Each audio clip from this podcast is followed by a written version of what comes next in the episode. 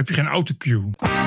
This is the TPO podcast. Jelle Brand is vervolgd vanwege dit. De belangrijkste functie van dat verhaal was om te voorkomen dat die hufter dit nog vaker onderneemt. Tweede Kamerleden verzwijgen bijbeunen. En Buitenhof verslikt zich in kletsmevrouw. We gaan het gewoon anders aanpakken. Dat we misschien bijvoorbeeld fabrieken een aantal maanden per jaar niet laten werken. En nog veel meer in deze aflevering 412. Ranting and Reason. Bert Bresson, Roderick Phalo. This is the award winning TPO podcast.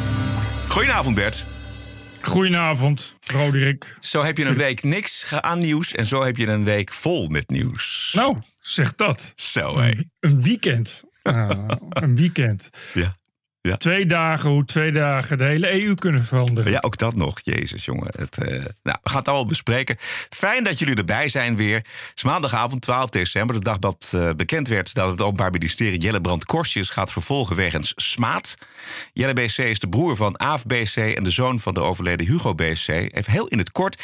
Jelle verscheen in 2017 bij De Wereld Draait Door wegens een verhaal dat hij in trouw had geschreven over een verkrachting door een productiemedewerker jaren eerder na een uitzending van Barend en van Dorp. Een MeToo-gevalletje dus. De belangrijkste functie van dat verhaal was niet dat ik mijn verhaal vertel. Het was niet om hem te straffen. Het was om te voorkomen dat die hufter dit nog vaker onderneemt. En dat gedeelte, dat heb ik niet kunnen eh, bestrijden. Hij loopt nog steeds rond. Hij werkt nog steeds. Hij kijkt waarschijnlijk. Hij kijkt, hij kijkt zeker. En ik zal Heeft- je vertellen, hij- en ik zal je vertellen, als hij kijkt, als hij dit weekend na dat stuk mij had gebeld, had gezegd: Sorry Jelle, ik weet niet wat me bezielt. Ik ben, ik ben gewoon een enorme hufte. Ik ben ziek. Ik moet geholpen worden. En dit is, en, en, want ik ben heus niet de enige. En dit, dit is daar, daar, daar gebeurd. En die ga ik ook allemaal bellen. Had ik waarschijnlijk dat stuk niet eens geplaatst? Ja, ik maakte dus een indruk bij de Wereld Door. Ze waren toen, toen het gebeurde, zou gebeurd zijn, waren ze 24, 25 jaar oud. De dader wordt niet genoemd. Hier werd wel gedropt bij journalisten en een omschrijving kan ook genoeg zijn. Binnen een dag was volgens mij bekend dat het om de productiemedewerker Gijs van Dam moest gaan. En Van Dam zei, het is allemaal gelogen, want dronken met wederzijdse instemming met elkaar in bed beland. Niks verkrachting. Ik voel mij in eer en goede naam aangetast. En na een aantal aangiftes tegen Jelle BC zegt het OM nu uiteindelijk vandaag... ja, we gaan vervolgen. Wegens smaad. Heeft lang geduurd, Bert. Nou, dat werd tijd. Eh, dat is een keer eh, iemand die eh, familie brandkostjes een keer voor de rechter sleept. Want het aantal mensen wat is gesmaad en kapot gemaakt. Het is goed dat hij dan een keer teruggefloten wordt. Maar dan heb je het vooral, eerste. Ja, dan heb je het vooral over Hugo Brandkorstjes in der tijd en deze jongen, deze... Nou, kijk, eh, Hugo Brandt Kostius, dat, dat als je daar nu op terugkijkt, dan denk je ook van hoe kan het dat nooit iemand naar de rechter is gegaan? Want als ze het wel hadden gedaan destijds, had de rechter ongetwijfeld gezegd van luister, dit gaat wel een beetje te ver. Ik bedoel, eh, die, die professor van Buikhuis is gewoon echt helemaal kapot gemaakt. Die is gewoon uit Nederland gevlucht, omdat hij gewoon niet meer normaal zijn werk kan doen. Terwijl dat werk wat hij deed nu doodnormaal is, weet je. Eh, terwijl dan denk ik van nou, als ik eh, die professor was geweest. Maar goed, die oude, oude brandkostjes is dood. Maar die Jelle is net zo erg. Die, dat was, hij had toen ook al een keer eh, dat er eh, bankiers die hun zakken vulden. Dan wordt er gewoon een luchtfoto en een adres geplaatst. Met de tekst: hier woont de boerenbraadlul, de bankier.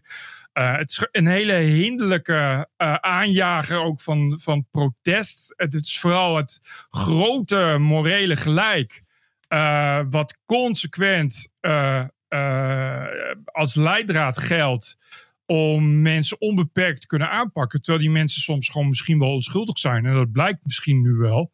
Eh, is natuurlijk een beetje afwachten wat de rechter ervan zegt. Maar in elk geval zegt die Gijs van Dam van ja, luister eens, ik heb gewoon geen zin om eh, eerst in een, in een landelijk dagblad, een trouw, waarvan dan niet de naam staat, maar waarvan iedereen binnen twee minuten googelen kon raden wie het was. En daarna in een groot televisieprogramma als De Wereld Draait Door.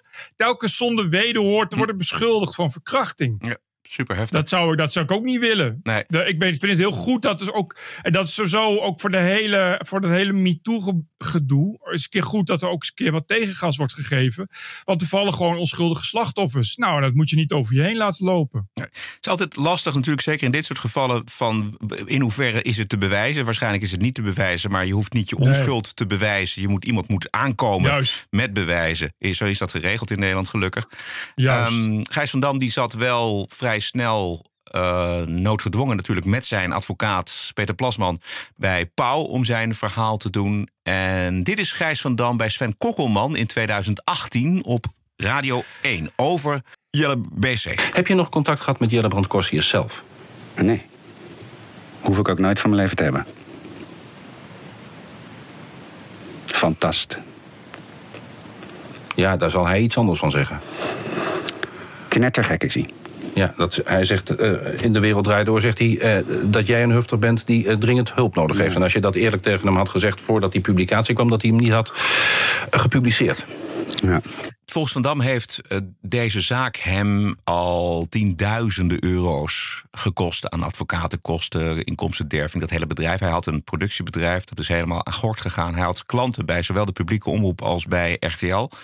Nou, eh, het zou hebben plaatsgevonden ten tijde van eh Villa BVD, of hoe heet dat? Precies, ja. Eh, Barend en Van Dorp. Barend Dorp, precies, in, eh, in het Koerhuis. En dus was dat programma en ook RTL eh, betrokken bij dit geval. Daar heeft hij ook een aantal zaken tegenaan gespannen. Ik weet niet hoe dat is afgelopen. Dit is wat nu het OM heeft gezegd. Is, wij, wij gaan ehm Jelle Brand Kostjes vervolgen. Ja, nou, hij heeft natuurlijk eh, ook civiele zaken gedaan. Ja. Dat is om je schade te verhalen. Maar, maar smaad is gewoon een. eh, het staat gewoon in het wetboek van strafrecht.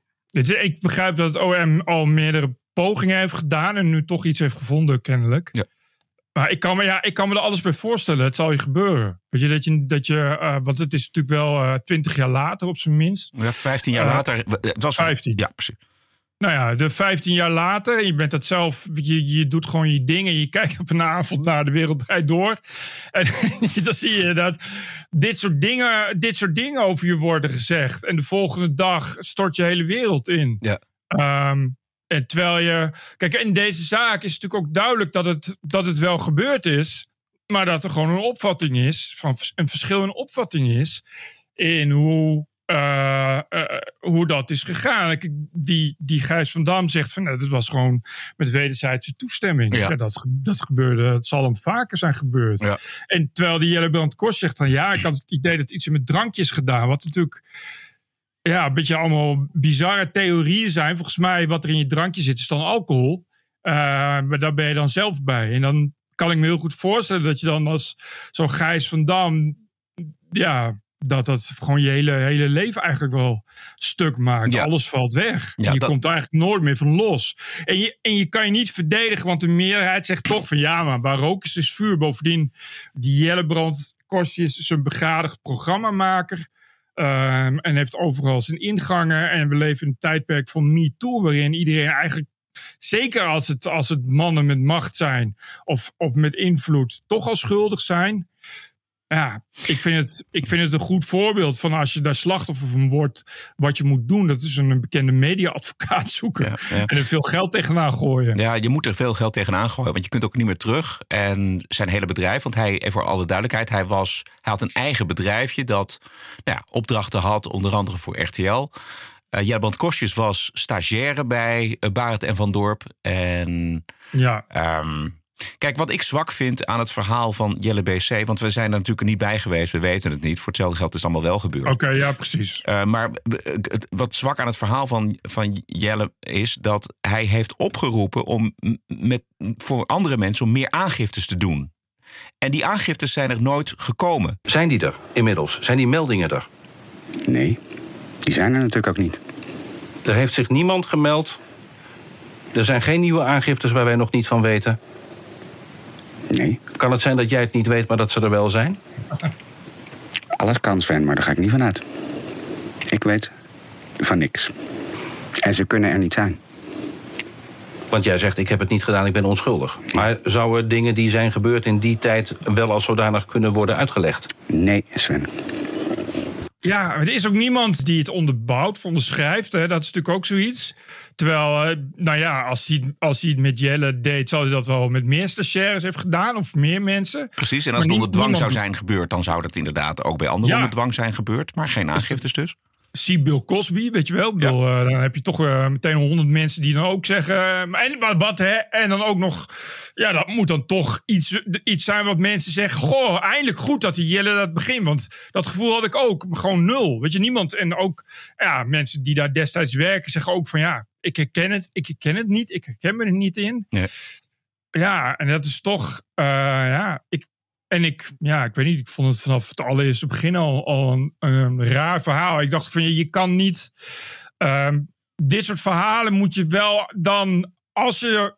eh, het is heel goed natuurlijk om, om, als je ervan overtuigd bent dat er iets is gebeurd, om dat naar buiten te brengen. Maar dan moet het wel echt ook iets zijn, hè, dat je echt duidelijk hebt dat het, tegen, dat het onder, onder dwang was. En nu klonk het, ik vond het hele verhaal meteen ook klinken als iets wat was gebeurd, waarvan je achteraf ze- zegt, ah, had ik eigenlijk liever niet gedaan. Mhm. Maar ja, dat is wel wat anders dan dwang. Daarom is deze zaak natuurlijk super interessant, omdat het hier gaat over beschuldigingen die gedaan worden en waar het recht eigenlijk geen loop heeft, omdat je het allemaal via media, sociale media, de krant, et cetera, kunt doen. En daarmee worden mensen veroordeeld voor dingen die ze misschien helemaal niet gedaan hebben, die in ieder geval niet te bewijzen zijn. Nee, maar het is ook zo belangrijk, zeg in dit geval, omdat de gevolgen zo enorm zijn. Weet je, wel? je hebt het Ja, over, precies. over smaad en eer, maar het gaat natuurlijk om dat die, die jongens. Uh, Google hem maar. Uh, Je komt overal deze zaak tegen. En het is er gewoon een zakenman. Het is gewoon iemand die werkte in de televisiebusiness. En die allemaal belangrijke klanten had. En, en belangrijke programma's. En die is hij allemaal kwijtgeraakt. En het bedrijf had geloof ik geen vaste mensen in dienst. Maar wel allemaal freelancers. Nou ja, bedoel, zijn hele carrière is naar de kloten. Om het zo te zeggen. En, Ja, en- en mogelijk door iemand die gewoon iets verzint. Of die zomaar na 15 jaar opeens denkt van... ja, maar wacht even, ik heb nog een appeltje te schillen. Ja, meer iemand die denkt, hé, ik wil ook wel op die bandwagon springen. Ja, kan dat ook, is ja. toch wel een beetje Jellebrand kostjes en voeten uit, eerlijk gezegd.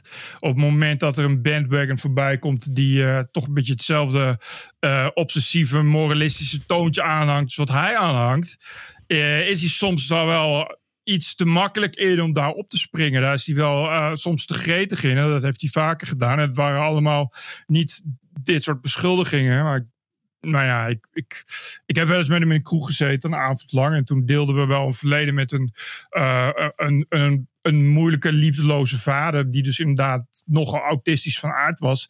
Eh, en daar krijg je, kan ik uit eigen ervaring vertellen, word je daar een bepaald persoon van. En ik heb hem ook wel eens aangesproken dat, ik, dat hij iets zei in de wereld draait door. Ik geloof dat hij destijds een keer zei dat hij de ergste persoon ooit vond, die Theo van Gogh, want die heeft Nederland kapot gemaakt. Daar heb ik hem toen over gemaild. En toen mailde hij later ook van ja, dat had ik eigenlijk niet moeten zeggen. Maar wat ik bedoelde te zeggen was dat eh, eh, destijds Theo van Gogh mijn vader belaagde. En dat ik dat vond hij niet erg, want zijn vader vond hij niet echt die belaagd werd. Maar dat hij en zijn zus daar ook heel veel last van hadden.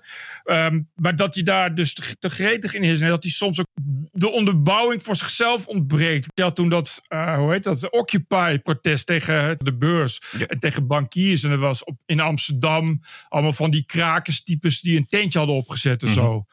En daar ging hij dan ook regelmatig heen. En dan vroeg ik van, ja, wat, ja maar wat, wat moet je daar dan? En dan kon, had hij daar geen, geen antwoord op. Anders dan, ja, ik vind het gewoon... Dat, weet je, dat, dat activisme eh, en, en dat verstoren van, van de status quo... eh, wat dan toch ten goede moet zijn van anderen...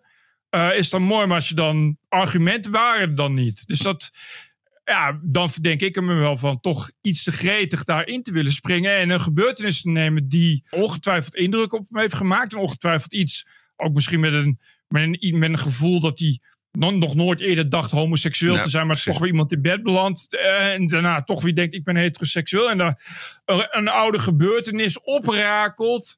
En daar iets te gemakkelijk iets van draait, waardoor nou ja, het makkelijk, makkelijk aandacht krijgen is. Dus op een bandwagon te springen is. Ja. Dat is. Dat is hoe ik, het, hoe ik het voelde. En met de kennis die ik van hem heb, vond ik, vond ik dat wel iets dat ik dacht, ja, ik kan het wel plaatsen. En ik denk gewoon inderdaad dat het niet waar is.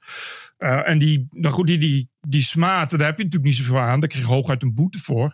Maar het is natuurlijk symbolisch voor die Gijs van Dam. Die gewoon wel eh boetedoening wil en genoegdoening. Maar ja, kan- kan is, ik- is, Ja, Zijn leven is al kapot. Ja, natuurlijk. precies. Maar ik vroeg me af, kan hij Jelle BC een eh, schadevergoeding vragen, eisen? Ja, dat is heel moeilijk in Nederland, omdat dan moet je aantonen wat je schade is. Dus in dit geval kan dat. Als, je, als het dus inderdaad op smaad uitdraait, dus de rechter zegt ja, dit was inderdaad smadelijk, dan kun je schadevergoeding aanvragen. En in het geval van Gijs van Dam is die natuurlijk materieel aantoonbaar. Zeker. Eh, maar me- meestal is dat een, he- een heel klein bedrag. Nou ja, Je kijk, als je, als je kunt eh, aantonen dat je hele bedrijf naar de kloten gegaan is door vanaf dit moment. En dat alle opdrachten wegbleven en dat, en dat je verder geen werk meer kon krijgen. eh, dan kan dat, eh, die schade nog wel eens in de, in de tonnen lopen, volgens mij. Ja, maar dat gaat dus niet zo snel in Mm. Nederland. En bovendien, dan krijg je... Jelle Brand is vast geen miljonair. We- Van een kale kip kun je niet plukken. Dus je hebt daar niet... En je hebt dan wel, bovendien... Ja, misschien dat je daar dan twee of drie ton uithaalt. Ja. Maar ja, De eerste zitting is 22 december. nou, nou houd het in de gaten. We houden het in de gaten. Bert Bruson, Roderick Balo. Ranting and Reason. This is the TPO podcast. Bij beunende Kamerleden. Mooie scoop van BNR vandaag. Uit opgevraagde correspondentie blijkt dat uiteindelijk 50 Kamerleden verzuimen hun neveninkomsten op te geven. Neveninkomsten kunnen leiden tot kortingen op de, het reguliere salaris eh, van de Kamerleden. Gemiddeld is dat 120k voor Kamerleden tot wel 40.000 euro per jaar. Kan er gekort worden. En er is dus alle reden voor die Kamerleden om die neveninkomsten niet op te geven.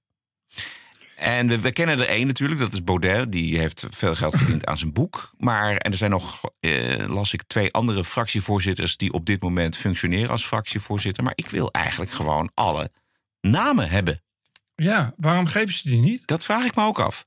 Heeft, eh, want ik, ik heb het even niet helemaal gevolgd, maar BNR heeft dat onderzocht. BNR heeft correspondentie opgevraagd. En daaruit blijkt dat dus ehm, mensen, Kamerleden, hun bijverdiensten moeten opgeven, maar niet opgeven. En daar wordt dan, dat wordt dan gevraagd en nog een keer gevraagd. En sommige Kamerleden komen dan over de brug na drie keer vragen. Maar er zijn nu per saldo 50 Kamerleden die nog steeds verzuimen om hun neveninkomsten op te geven.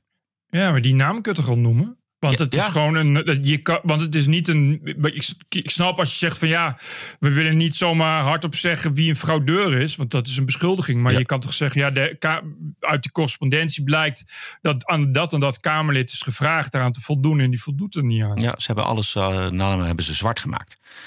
Ah, misschien kan ook zijn dat. eh, want het is gewoon een soort WOP, begrijp ik. Ja. En dat BNR wil het wel zeggen, alleen die namen staan dus niet in die dossiers. Oh, dat die, staan, kunnen, die zijn gewoon gezwart Ja, eh, vanwege privacy. Dus Ja, ja, die exact. kunnen het niet geven. Maar los van de privacy vind ik het wel belangrijk dat. Want die mensen die zitten in die kamer namens ons. Ja. Dus wij moeten weten wie erbij beunt. Ja, maar er moet ook veel strenger tegen worden opgetreden. Ook dat. Het feit dat Baudet dat, dat al, die doet het al heel lang. En iedereen weet dat hij al heel veel geld verdient aan die boekjes en dat soort dingen. Eh, en dat kan gewoon zomaar allemaal. Er, is, er zijn nog steeds te weinig middelen om die mensen te dwingen. En ja, nou, dat, dat moet een keer afgelopen zijn. En het, het feit dat er, wat zeggen, 40 of 50 Kamerleden daar scheid aan hebben, zegt al wel dat die regelgeving gewoon niet klopt. Exact. En bovendien speelt er nog natuurlijk iets dat je moet weten waar die neveninkomsten vandaan komen. En of daar geen belangen eh, bij zitten die problematisch zijn. Ja, maar het is ook gewoon absurd dat die regels er nog niet zijn. Juist. Ik bedoel, je, je wil ook, ook eigenlijk wil je dat alle 150 Kamerleden dat zelf ook willen. Je- omdat, ja, het- je gaat toch niet de politiek in om extra je zakken te vullen. Nee. Weet je, dat, dat, ja, het is raar dat er dus zoveel lui zijn die het niet opgeven.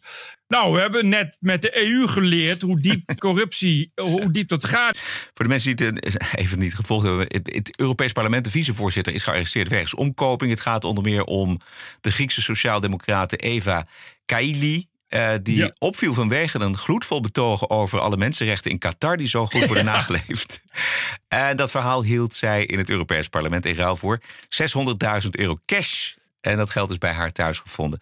Nou goed, Ik weet niet nou, of dat bij haar thuis was. Eh, ik las dat. Nou, Oké. Ja, jij hebt het gelezen, dan, is, dan Ja, geloof ik het. Ja, ja, nou goed. Nee, ze had eh, inderdaad... Oh ja, dat was haar man. Was eh, betrapt met het weglopen met een koffer met geld. ik heb die video bekeken waarin ze dat betoog hield. En het is inderdaad een en al liefde voor Qatar. Waarin inderdaad wordt gezegd... juist Qatar laat zien hoe goed je kan veranderen en hoe goed de arbeidsomstandigheden en de mensenrechten zijn. Uh, ze zat ook opeens bij een commissie die ging stemmen over Qatar. En dat vond iedereen heel vreemd, want normaal is ze nooit bij die commissie. Dus ze was ineens uh, heel betrokken bij Qatar. En ik geloof, zoals ik, wat ik las op Politico, dat het toch nog wel meer broeit en dat er een hoop grote namen bij zitten. Belangrijke mensen die of niet meer werkzaam zijn in het Europarlement of zijdelings. Ik geloof dat de rest van de onderzochte mensen zijn ook geen Europarlementariërs, maar wel werkzaam in het Europarlement. En daar gaat het hele verhaal ook over. Uh, het is zo'n groot gebrek aan transparantie en aan systematiek en, en regels om dit te voorkomen, dat je hierop kon wachten. Ik vond het wel goed dat het uiteindelijk boven tafel kwam, want daar, daar is ook wel weer een hoop speurwerk en het is wel heel serieus genomen daar in Brussel. Maar ja, het, het, kan natuurlijk veel vaker voorkomen, uh, waar we nog geen weet van hebben. De winnaar is... TPO Podcast! Bijna zes jaar onafgebroken, twee keer per week een eigenzinnige kijk op het nieuws en de nieuwsmedia. Elke dinsdag gratis en elke vrijdag voor abonnees. Mis niks. Word lid abonnee en luister ook op vrijdag. Met elke vrijdag de legendarische Wokweek. You're an adult, grow up, deal with it, I don't care. Hou de TPO-podcast in de lucht. Keep the show running. Steun ons en word lid voor nog geen 4 euro per maand. Ga naar tpopodcast.nl. Melden! Thank you. Let's do it. En het mooie is dat je dan ook meteen betaalt voor de dinsdagaflevering. Want dat is natuurlijk ook iets wat wij niet voor niks maken. Dus uh, je bent in één keer van uh, je schuldgevoel af. Je betaalt zowel dan voor de dinsdag en voor de vrijdag met de Wokweek. Goed. Uh, we moeten het hebben over de clusterfuck slavernij-excuses. Want het gaat maar door. Geruzie over data, witte of zwarte excuses. Vicepremier Kaag die vliegt naar Suriname om te redden wat het te redden valt. Volgende week maandag is het al 19 december namelijk. Dat is de datum waar volgens mij het kabinet aan vast wil houden. Ja, wie weet welke eisen ze nog meer tegen het lijf loopt. Uh, dit is een greep uit de eisen van alle organisaties in Nederland bij Nieuwsuur. 1 juli moet de koning in het Oosterpark in Amsterdam een toespraak houden kwijtschelden schulden Caribische eilanden en Suriname. Een herstelfonds voor de nazaten. Zwarte Piet uit het publieke domein. En strafbaar stellen van het woord neger. Opvallend is ook de gedetailleerdheid van de eisen aan het kabinet. Zo schrijven de organisaties ook dat de excuses begeleid moeten worden door bijbehorende rituelen, een passende programmering en een diversiteit aan genodigden. Niet alleen officiële instanties, maar denk ook aan een klas van bijvoorbeeld het Ingenieur Lely Lyceum of het Bindelmeer College in Zuidoost. Als het kabinet niet instemt met deze randvoorwaarden, gaan de groepen niet akkoord. En moeten de excuses uitgesteld worden, vinden ze. Dit komt dus allemaal Goeie na die quasi-succesvolle katshuisbespreking van vorige week, weet je wel. Toen, toen bleek alles koek en ei, alles was geregeld. Um, maar dit zijn allemaal nieuwe eisen en nu, uh, nu weten we het niet meer. Dit zijn toch geen eisen? Dit kun je toch niet serieus Nee. nemen? Nee. Ik snap dat je, dat, dat je dan zegt, ja luister eens... eh, ik, wil, wel- ik wil dan over meer babbelen. Als je toch excuses gaat aanbieden en ook wie gaat het dan doen? Ik, ik wil, eh, maar dan, meteen ook over. Dan wil ik alle schulden kwijtgescholden. En het woord neger moet strafbaar worden. Een woord strafbaar stellen. Wat, wat dacht je zelf? Ja. Wat is het nou voor een eis, man? En de rest zijn allemaal onzin eisen. Dat er een diversiteit aan genodigden moet komen. Wat is het voor een onzin eis? Weet je, Ja, ik, ik krijg het idee dat, dat ook de partijen in Den Haag het gevoel hebben, behalve bij één natuurlijk, maar dat er wel overvraagd wordt. Ja, de. Ja, nee, ja, precies de. Maar dat schijnt dan ook weer de bedoeling te zijn. Want ze denken van, als we nou veel vragen, dan komen we ergens in het midden uit en dan krijgen we toch meer dan we aanvankelijk toegezegd hebben gekregen. Dat is een beetje het, het idee erachter volgens mij. Ze zijn natuurlijk maar al te gretig om daar, om daar nog zoveel mogelijk uit te halen. Want ja, de herstelbetalingen liggen Ja. natuurlijk altijd op de loer. Ja. Dus ja, dan moet je daar volop inzetten. En die groepjes, dit zijn onder andere Kick-Out Zwarte Piet. Is zo'n actiegroepje waarvan de voorman, Jerry Afrië, afstamt van de Ashanti-Ghanezen. Net als activist Aquasi. Luister maar. Wat weet jij over je eigen voorouders tijdens de slavernijperiode? Ehm, ik heb geleerd dat ik een. Het is onderzocht naar mijn achternaam. Owusu Ansa is mijn achternaam, aristocratische achternaam. En blijkt dus dat ik een nazaat ben van zwarte slavenhandelaren. Want de, ik ben een Ashanti-Ghanese en de Ashanti-Ghanese die werkte heel nauw met de Nederlanders samen. En die verkochten eh Ghanese uit het noorden. Maar die wisten niet dat die verhandeld zouden worden als goederen, als, als slaven. Dus daar hebben ze nog steeds tot op de dag van vandaag heel veel spijt van. Dus jouw voorouders zijn ook daders. Ja en nee, ergens wel, maar ergens ook weer niet. Het is niet bewezen. Je kan, je kan het niet echt op de, je kan de vinger niet op de zere plek leggen. Maar het wordt gezegd. Ja, dus voor excuses en betalingen moet je Oh, toch echt bij Kick-Out Zwarte Piet en Omroep Zwart zijn, volgens mij. Maar wie, waarom, dat, dat kick-out Zwarte eh, Piet is toch gewoon een activistenclubje? Ja. Hoezo hebben die nu ineens macht? Wat, eh, ik snap niet helemaal, want Rutte die wil graag excuses maken voor de slavernij.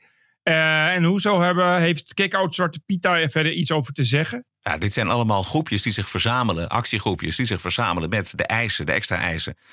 voor de excuses. Die, zij gaan prat op het feit dat zij nazaten zijn van slaven. Maar ik snap, kijk, als de Antillen en Suriname iets eisen, snap ik dat. Maar die hebben ook iets te eisen, want dat zijn landen. Maar dit zijn allemaal radicale groepjes. Hoezo denken die wat te eisen te hebben, überhaupt? Ja, ja. Ik, ik, ik weet ook niet hoe dat precies in elkaar zit, die hele... Maar het zijn allemaal mensen die denken dat ze in aanmerking komen voor herstelbetalingen. Oh, dat denk, oh dat zo, ik. zij komen in aanmerking. Oké, nee, dan... eh, ja. Nee, ik weet niet meer. Geen idee, Bert. Ik heb daar geen zicht op. Waarom, waarom zij zich, juist zij zich aanmelden. Ik las nog wel een interessant stukje van Piet Emmer, natuurlijk de meest vooraanstaande kenner Ja. van de Nederlandse slaverij, slavernij bij eh Sibinia op de website. Hij schrijft onder andere dat met de excuses aan Suriname en Antillen ehm, Nederlandse regering maar een heel kleine minderheid bedient van de verre nakomelingen van de slaven. Want de meeste nakomelingen wonen namelijk in Zuid-Afrika en Indonesië. Yep. En uit het verslag van de NOS eh, bleek, de NOS Journaal bleek dat niemand in Indonesië zit te wachten op die excuses. En waarom? Onder andere omdat die Indonesiërs zelf de meeste slaven hielden. Dus, dus die willen daar helemaal niet aan beginnen. Dus het is maar een heel klein clubje, heel klein groepje, onderdeel, als je Piet Emmer moet geloven, van de mensen die we nu excuses aan gaan bieden. Omdat de meeste echte nakomelingen, voor zover al traceerbaar, maar die hebben zich elders in de wereld gevestigd. Ja, nou ja, dit is ook een. Het, volgens mij was het ook twee weken geleden ook sowieso een grote groep. Ik weet niet meer wat ik mag zeggen. Ik ben bang dat elk woord wat ik zeg verboden gaat worden. Mensen maar ook voor mensen die niet blank zijn, dat die ook allemaal zeggen: van, ik zit niet, helemaal niet te wachten op excuses of zo. Ja. Het is natuurlijk ook zo dat de meerderheid van de mensen zich daar ook niet zo mee bezighoudt. Waar ik me wel bij kan, wat bij kan voorstellen. Want De ja, ik- meerderheid van de mensen, van de Nederlanders bedoel je? van, van mensen die, die niet blank zijn. Oké.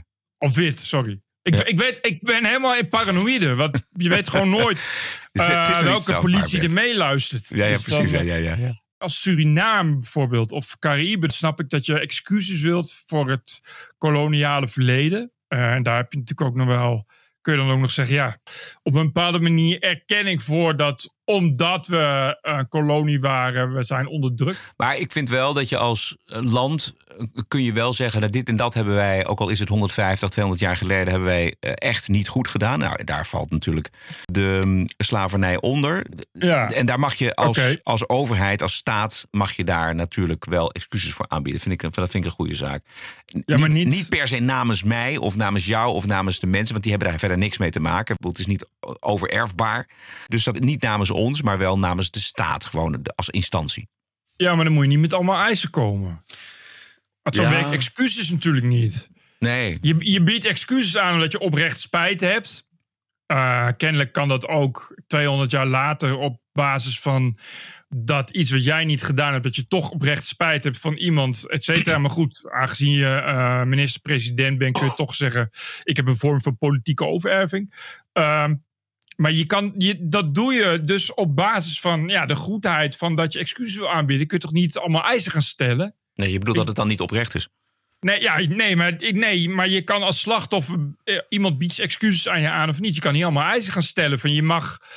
eh, Ik bied me excuses aan of niet. En daar heb je verder niks over te zeggen. Je kan niet zeggen, ja, je mag alleen excuses aanbieden... als je ook het woord neger verbiedt. Ja, maar ze dat begrijp ik. Maar zij zeggen natuurlijk van ja, ehm, dit is, met die excuses komt erkenning. En we willen niet weer onze hand ophouden en bepalen dat, dat Nederland eh, de voorwaarden bepaalt en voor wat ze precies allemaal excuses aanbieden. Nee, wij hebben nu daar zegging in. Wij, willen, Ja. wij eisen gerechtigheid en, en erkenning van, ons, van het leed. Dus wij hebben een lijstje. En eh, daar willen we graag dat jullie daaraan voldoen. Ik denk niet dat, eh, dat, ze het kabinet, dat het kabinet het woord neger gaat verbieden. Nee, dat of strafbaar gaat stellen. Nee. Dat wordt, eh, Nee. wordt een hele kluif ook. Zo Nee. denk ik. Woorden, woorden strafbaar gaan stellen. Nee, denk het ook niet. Nou goed. TPO Podcast. Woensdag de WK halve finale tussen Marokko en Frankrijk. Progressieve media muisstil over de Marokkaanse rellen in eh, de grote steden. Maar extatisch over het Marokkaanse elftal. Niet alleen de progressieve media, maar ook zanger Waylon sport op Instagram iedereen aan om achter het Marokkaanse team te gaan staan. Want elke keer als de Marokkanen winnen, is het zo gezellig op straat, zullen we maar zeggen. Op het Mercatorplein in Amsterdam twee gewonden en 13 arrestaties afgelopen weekend. In Rotterdam was het natuurlijk weer gezellig. Brussel, Antwerpen, Parijs. Uh, dit is de Haagse Schilderswijk. Afgelopen zaterdag daar werd door de Marokkanen fans de overwinning op Spanje gevierd natuurlijk met het lied Alle Joden zijn homo's.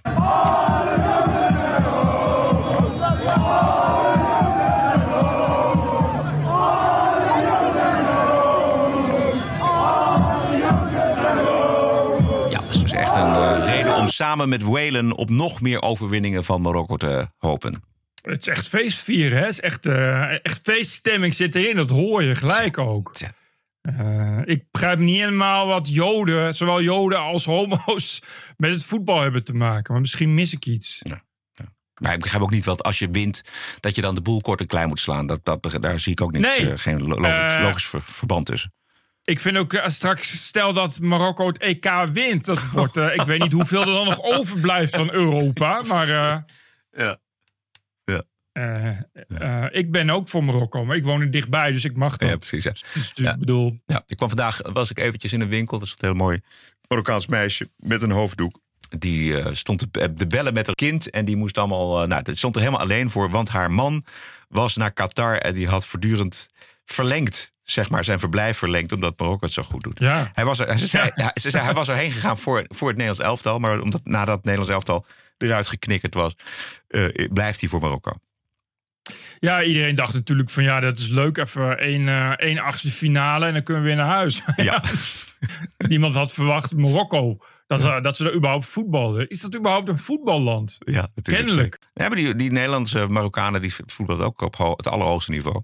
Ja, ja, dat is zo. Maar ik voetbal associeer echt heel erg met Europa. Ja. Mm. Kostelijke televisie afgelopen zondag bij Buitenhof. Het programma met een hoog gehalte journalistieke potentie, mogen we toch wel zeggen. En de redactie had uitgenodigd trendvoorspelster Liedewij Edelkoort. Oh god, nee. Edelkoort is een eerste klas charlatante...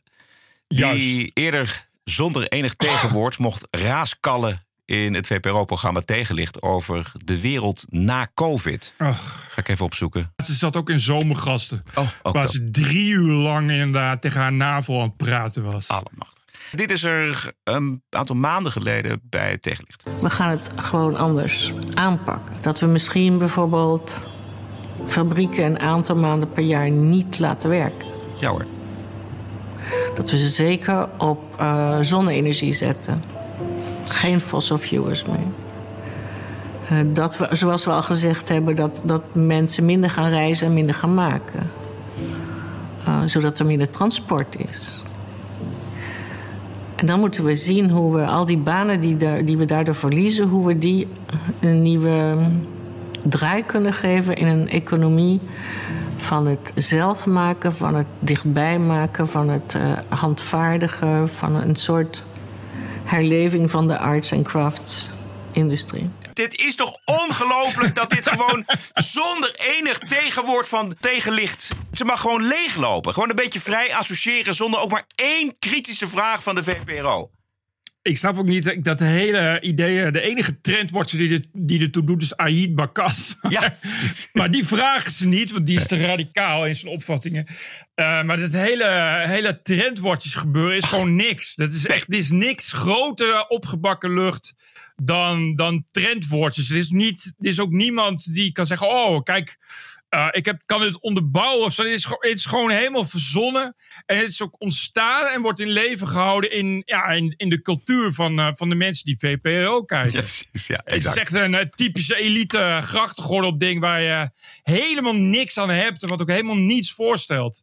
En die vrouw is gewoon, ja, dat is gewoon pure zwendel. Zwen, pure die zwendel. heel veel, heel veel geld ja, met... Met de meest totale bullshit uitkramen die je kan bedenken. Dit is volgens mij, als je zo hoort, denk je ook dat ze gewoon in de war is.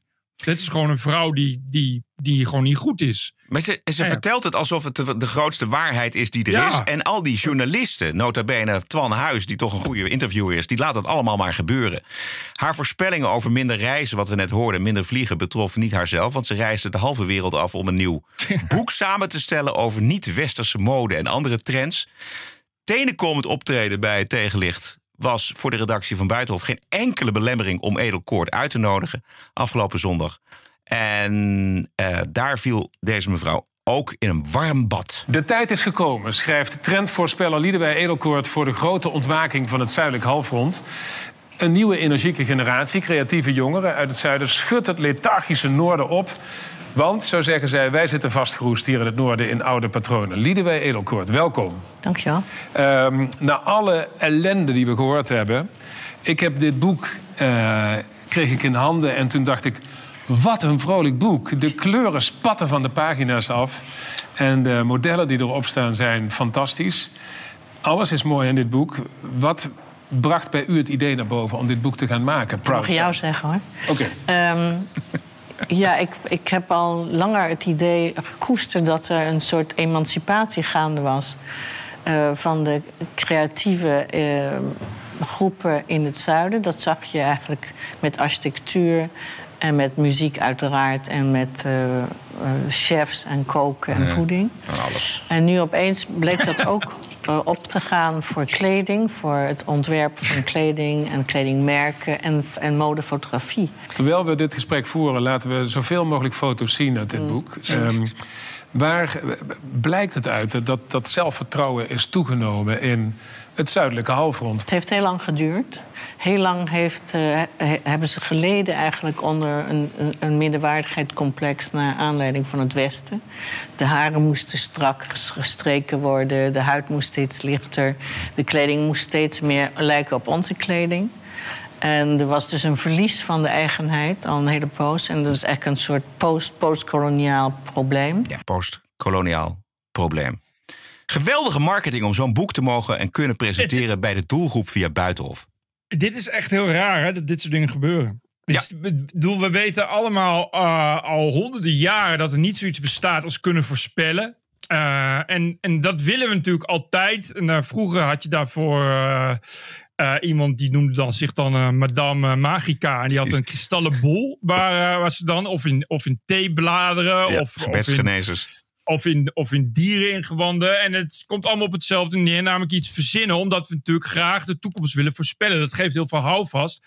Maar die is niet te voorspellen. Dus daar hebben ze iets op bedacht en dat heet dan trendwatches. En die zeggen dan ja, ik heb gewoon eh, heel goed door door wat, de- wat de trend is in bepaalde gebieden. En daardoor kan ik ook zien wat, wat de toekomst wordt. Wat natuurlijk niet zo is, want niemand kan de toekomst voorspellen. En dat is een probleem. Dat dit soort mensen nog steeds bestaan. En het zou fijn zijn als journalistieke programma's zich daar ook een beetje kritisch tegenover opstelden. Namelijk dat iemand, als iemand zegt: Ik kan de toekomst voorspellen, dat je dan zegt: Nee, kan jij niet. Want dat kan niemand. En dan kun je niet zeggen: Ja, maar trend dit en dit. Trends weten we allemaal, kunnen zomaar weer ophouden. Ik bedoel, ik bedoel het was ooit trend om, eh, om eh, hele grote schoudervullingen te hebben. Ik noem maar wat in de jaren tachtig. Het is niet dat dat eh, heel even erg heeft doorgezet. Dus trends is niet hetzelfde als toekomst voorspellen. Trends kun je volgen en, en, en dat, nou, dat doen we op de beurs bijvoorbeeld. Maar ook daar zie je natuurlijk heel veel mensen, die heten dan economen. Die kunnen dan de toekomst voorspellen en die krijgen dan vaak groen licht om hele grote verhalen te houden. En dat blijkt daar af- achteraf allemaal gelul te zijn, met heel veel gebakken lucht. Economie is ook erg verwant aan, eh, aan de trendwatcherij. Het is ook toch een soort van betaalde oplichting ook. Maar economie, ik zit er dan ook nog wel eens wat mensen tussen die ook nog wel kunnen rekenen. Dus daar kun je dan nog een rekenmodel daar iets mee onderbouwen. Dat is niet het geval bij trendwatcherij. En keer als je Liedewij Edelkoort hoort, komen daar dingen uit die je kind van je neefje van vier ook kan bedenken. Dat is namelijk echt totale bullshit die echt iedereen eh, echt met het blote oog wel kan, kan oppikken. En dat, hetzelfde zie je in precies dezelfde contraien. Natuurlijk ook met kunst, vooral moderne kunst, met abstracte kunst. Eh, je legt ergens een rotsblok neer in een museumzaal en dan is het ineens kunst. En als iemand hem vraagt... Goh, hoezo is dat eigenlijk kunst? Want ik zie er geen kunst in. Dan hou je gewoon een heel lang bullshit verhaal over hoe dat allerlei kernwaarden raakt van eh, het postkolonialisme en hoe dat in postmodernistisch oogpunt toch een heel diepere, diepe gevoel aanboort in allerlei lagen van de bevolking. En hoppatee, je ziet Twan Huis nat worden. En, weet je, en, en zo gaat dat dus. En dat is dus echt een probleem. Ja, dat is een, inderdaad een probleem. Vooral dat, dat wat jij zegt, dat totale kritiekloze, geen, geen tegenvraag. Uh, in dit geval was bij Buitenhof het exemplaar uh, ruimschoots in beeld. Er, er, was een scherm met foto's. Nou, je hoort het Twan uh, zeggen, voortdurend foto's. de samensteller krijgt vrijbaan en de interviewer is razend enthousiast. Nou, dat ontwaken dat zien we natuurlijk ook bij het WK voetbal. Ik moest meteen denken aan de winst van uh, Marokko, Marokko gisteren. Het eerste Afrikaanse land dat ja. zo ver komt. In... Ja, Marokko ligt trouwens boven, boven de Evenaar. En behoort dus tot het noordelijk halfrond. Maar dit even te zeggen. De wereld, uh, het wereldkampioen. Nou, je zou kunnen zeggen, er is een relatie. Er is, uh, ik denk wat? dat wat je ziet in dit, in dit kleding- en fotografiegedrag... niet alleen staat. Ik denk dat het staat voor een voor een grotere beweging waar het zuiden zeer duidelijk voor zichzelf kiest, zeer duidelijk uh, de grenzen zelf nu gaat bepalen. En het zuiden, ze kletst uit haar nek. Oh, zegt van we willen wel met jullie samenwerking, maar dan wel op onze manier, in, met onze termen.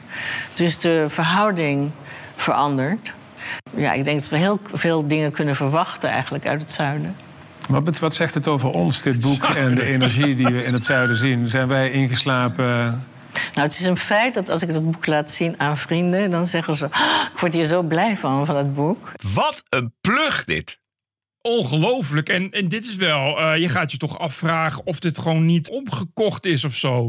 Misschien kan er bij het Buitenhof, Buitenhof ja ook een uh, ethische commissie naar kijken. Want ja, er zijn natuurlijk elk moment van de dag duizenden mensen die allemaal hun boekje wel graag uh, kritiekloos willen promoten bij een uh, met publiek geld gemaakt programma. Wat toch normaal gesproken zo prat gaat op haar hoge journalistieke normen en waarden. Ja. en haar kritische standaard. Dit is toch een beetje een vreemde eend in de bijt aan het worden op deze manier, denk het, ik. Het was een officiële klacht van de ombudsvrouw van de publieke omroep. Die heeft niet alleen geoordeeld. Sorry? Meen je? Ja, ja, ja. Ze heeft natuurlijk zich uitgesproken over ongehoord Nederland. Maar zij heeft in meer algemene termen gezegd dat uh, er bij de publieke omroep veel te weinig, de presentatoren veel te weinig tegenvragen, veel te weinig kritische vragen stellen aan de gasten. Dat, er, dat, dat die gasten veel te veel mogen uitpraten. Daar is dit een prachtig voorbeeld van. Dat hebben we natuurlijk heel vaak gezien bij de wereld draait door, weet je wel. Maar, dan, maar goed dan. Maar dit is dan nog. Die Twan Huis, die praat echt over alsof die. Ja, wat ik zeg, alsof die, alsof die geïnstrueerd is of zo. Ja, ik, denk, ik denk dat. Ik denk dat geen, hij geen domme jongen op zich. Nee, zeker niet. Maar ik denk dat hij het gewoon zelf echt mooi vindt. Nee, dat kan me echt niet. Ja, ja, ja, ja. Ja, ja dat, is, dat is toch wel ernstig. Want, ik, ik zal je even laten horen, want ik zal, ik zal ook even laten horen hoe het komt dat zij eh, aan tafel zit bij Buitenhof. Wacht even, ik zoek eventjes. Want hij heeft, het is volgens mij zijn eigen initiatief geweest. Luister maar. We troffen elkaar in een galerie in Amsterdam, waar het Och, boek lag. In een galerie, toevallig. Ja, ik had het nog dat is mijn buurvrouw. Ja, je buurvrouw. Nee, en, je um, meent het.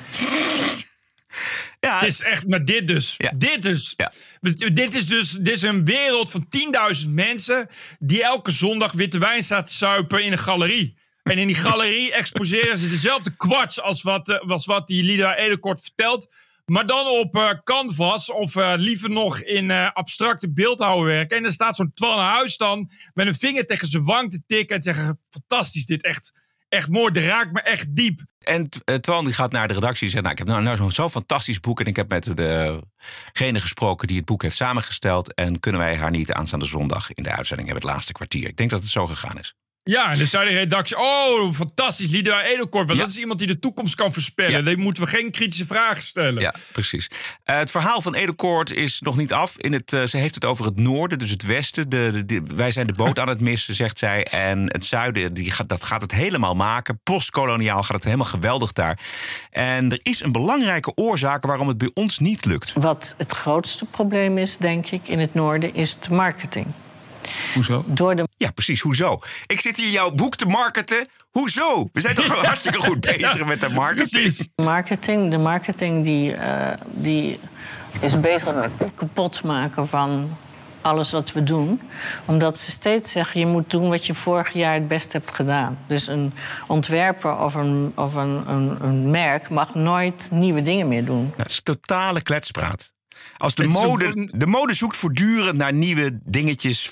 Hè, en we zijn voortdurend bezig. Hoe krijgen we meer aandacht, et cetera. Het is zo verschrikkelijk feitenvrij. Je krijgt er echt jeuk van. Ik kan echt moeiteloos drie uur kan ik dit volhouden om vol te babbelen. Dit is, dit is echt, je kan er echt. Dit is, dit is nou echt, dit is nou echt typisch eh, het probleem ook van postmodernisme. Dat, dit soort gelul, daar kun je echt. In het, en daar zijn dus ook boeken voor, eh, hele bibliotheken van volgeschreven. En daar kun je eeuwig mee doorgaan, omdat het echt 0,0,0 is gebaseerd op welk feit dan ook. Ze zegt dus ook dat zuiden, hè, dat is ook omdat als je gaat zeggen, noem eens specifiek een land, wordt het moeilijk. Ze zeggen gewoon ja, het zuiden. Wat echt, ja, het zuiden. Dat is echt van Limburg tot Antarctica, het zuiden. Ja. En daar zit natuurlijk een land tussen wat het dan goed doet. Zeg, zie je wel, ik zei toch, typisch, komt uit het zuiden. Ja, ja. En, als, we- en als we het zuiden en gewoon en masse helemaal samen zich afzet tegen het noorden. Alsof China niet in het noorden ligt. En de meeste landen liggen in het noordelijk halfrond. Daar verder kun je niet zoveel aan doen. Uit angst voor niet-verkoop wordt er dus geen risico meer genomen. Maar ieder bedrijf heeft een marketingafdeling. Sterker nog, eh, publieke omroepen Ik hebben weet het. marketingafdelingen. Nou, je ziet daar toch ook het probleem van. Alles wordt hetzelfde. Alles, alle, ja, alle scherpe randjes worden er afgehaald. Eenheidsworst. Ongelooflijk eenheidsworst. Alles wat je kan kopen nu heb je al in je, in je, in je kast. Overbodig. Totaal overbodig. Oh, wat loopt die... Twan, alsjeblieft. Je loopt haar zo te helpen, man. Eén kritische vraag, alsjeblieft. Dit kun je toch ook moeiteloos aan flarden schieten? Het is het hele verhaal wat ze vertelt, dat, dat vertellen ze de afgelopen 600 jaar ook al. Het is natuurlijk to- totale kwats. Ja, alles wat je kan kopen, dat heb je nu in je kast staan. Wat natuurlijk niet zo is, want er wordt elke dag weer iets nieuws uitgevonden. Ja. Dat is natuurlijk continu. De reden dat wat je nu in je kast hebt, komt omdat mensen elke keer iets nieuws uitvinden. Ontzettende troll. Jezus, ik, ik snap echt niet hoe het kan dat, het, dat, dit zo, dat, het, dat er geen, geen wet tegen is of zo. Je kan toch niet zomaar, eh, je kan toch niet zomaar dit soort, dit soort onzin mensen eh, laten, laten spuien. Ja, ja. nee, Ja, maar ze- bij de publieke omroep vind ik het echt, dit vind ik echt een probleem. Maar ja, goed, ze heeft natuurlijk iets opgebouwd bij die publieke omroep. Een hele avond kletspraterij bij zomergasten en in tegenlicht. Ze weet helemaal niet wat het is om kritisch ondervraagd te worden. probleem is dat dit soort mensen het dus altijd heel goed doen. Eh, op zondagmiddag in, een in een leuke galerie. Eh, voor hippe mensen, voor, voor nou, mensen als Twan Huis. Eh, maar dan moeten ze ook blijven. Dat is dus, en, maar dat is het probleem met die elite die dat soort dingen doen. Die hebben dus de mogelijkheden en het netwerk om meer te doen. En daardoor krijg je de hele tijd dat soort kitsch. Design is ook al zo'n al zo'n ramp. 99% van design is, is echt volstrekt achterlijke, achterlijke bagger. Ja. De- waar je echt niet eens naar wil kijken. Maar ja, in, de, in de NSC webshop Ja. loopt het. Daar kun je, daar kun je eh, design vogelhuisjes kopen voor 600 euro. Geen grap. Heb ik van de week gezien. Ik bedoel, Ik vind het ook eh, prima om dat bij een of ander modechannel of wat dan ook, weet je wel, stop het daar weg. Bedoel, Ja. Geef haar daar een, week, een wekelijks programma. Maar toch niet bij Buitenhof. Het is ook niet nieuwswaardig. Het is niet. Het is ook voor de kijker is het ook niet interessant als je naar die als die Liedewij Edelkoort gaat praten, val je ook na twee minuten als een blok in slaap. Ik, ik het van een beetje. Ik denk dat hij het echt een, een prachtig boek vond. En dacht van nou, misschien is het leuk om daar eens een keer tussen alle politiek hiermee te eindigen. Zetten we aan het eind van het programma. En hij heeft Ja, enthousiast precies, verteld ja. aan die redactie. En die redactie zei: Oké, goed, dan gaan we er bellen.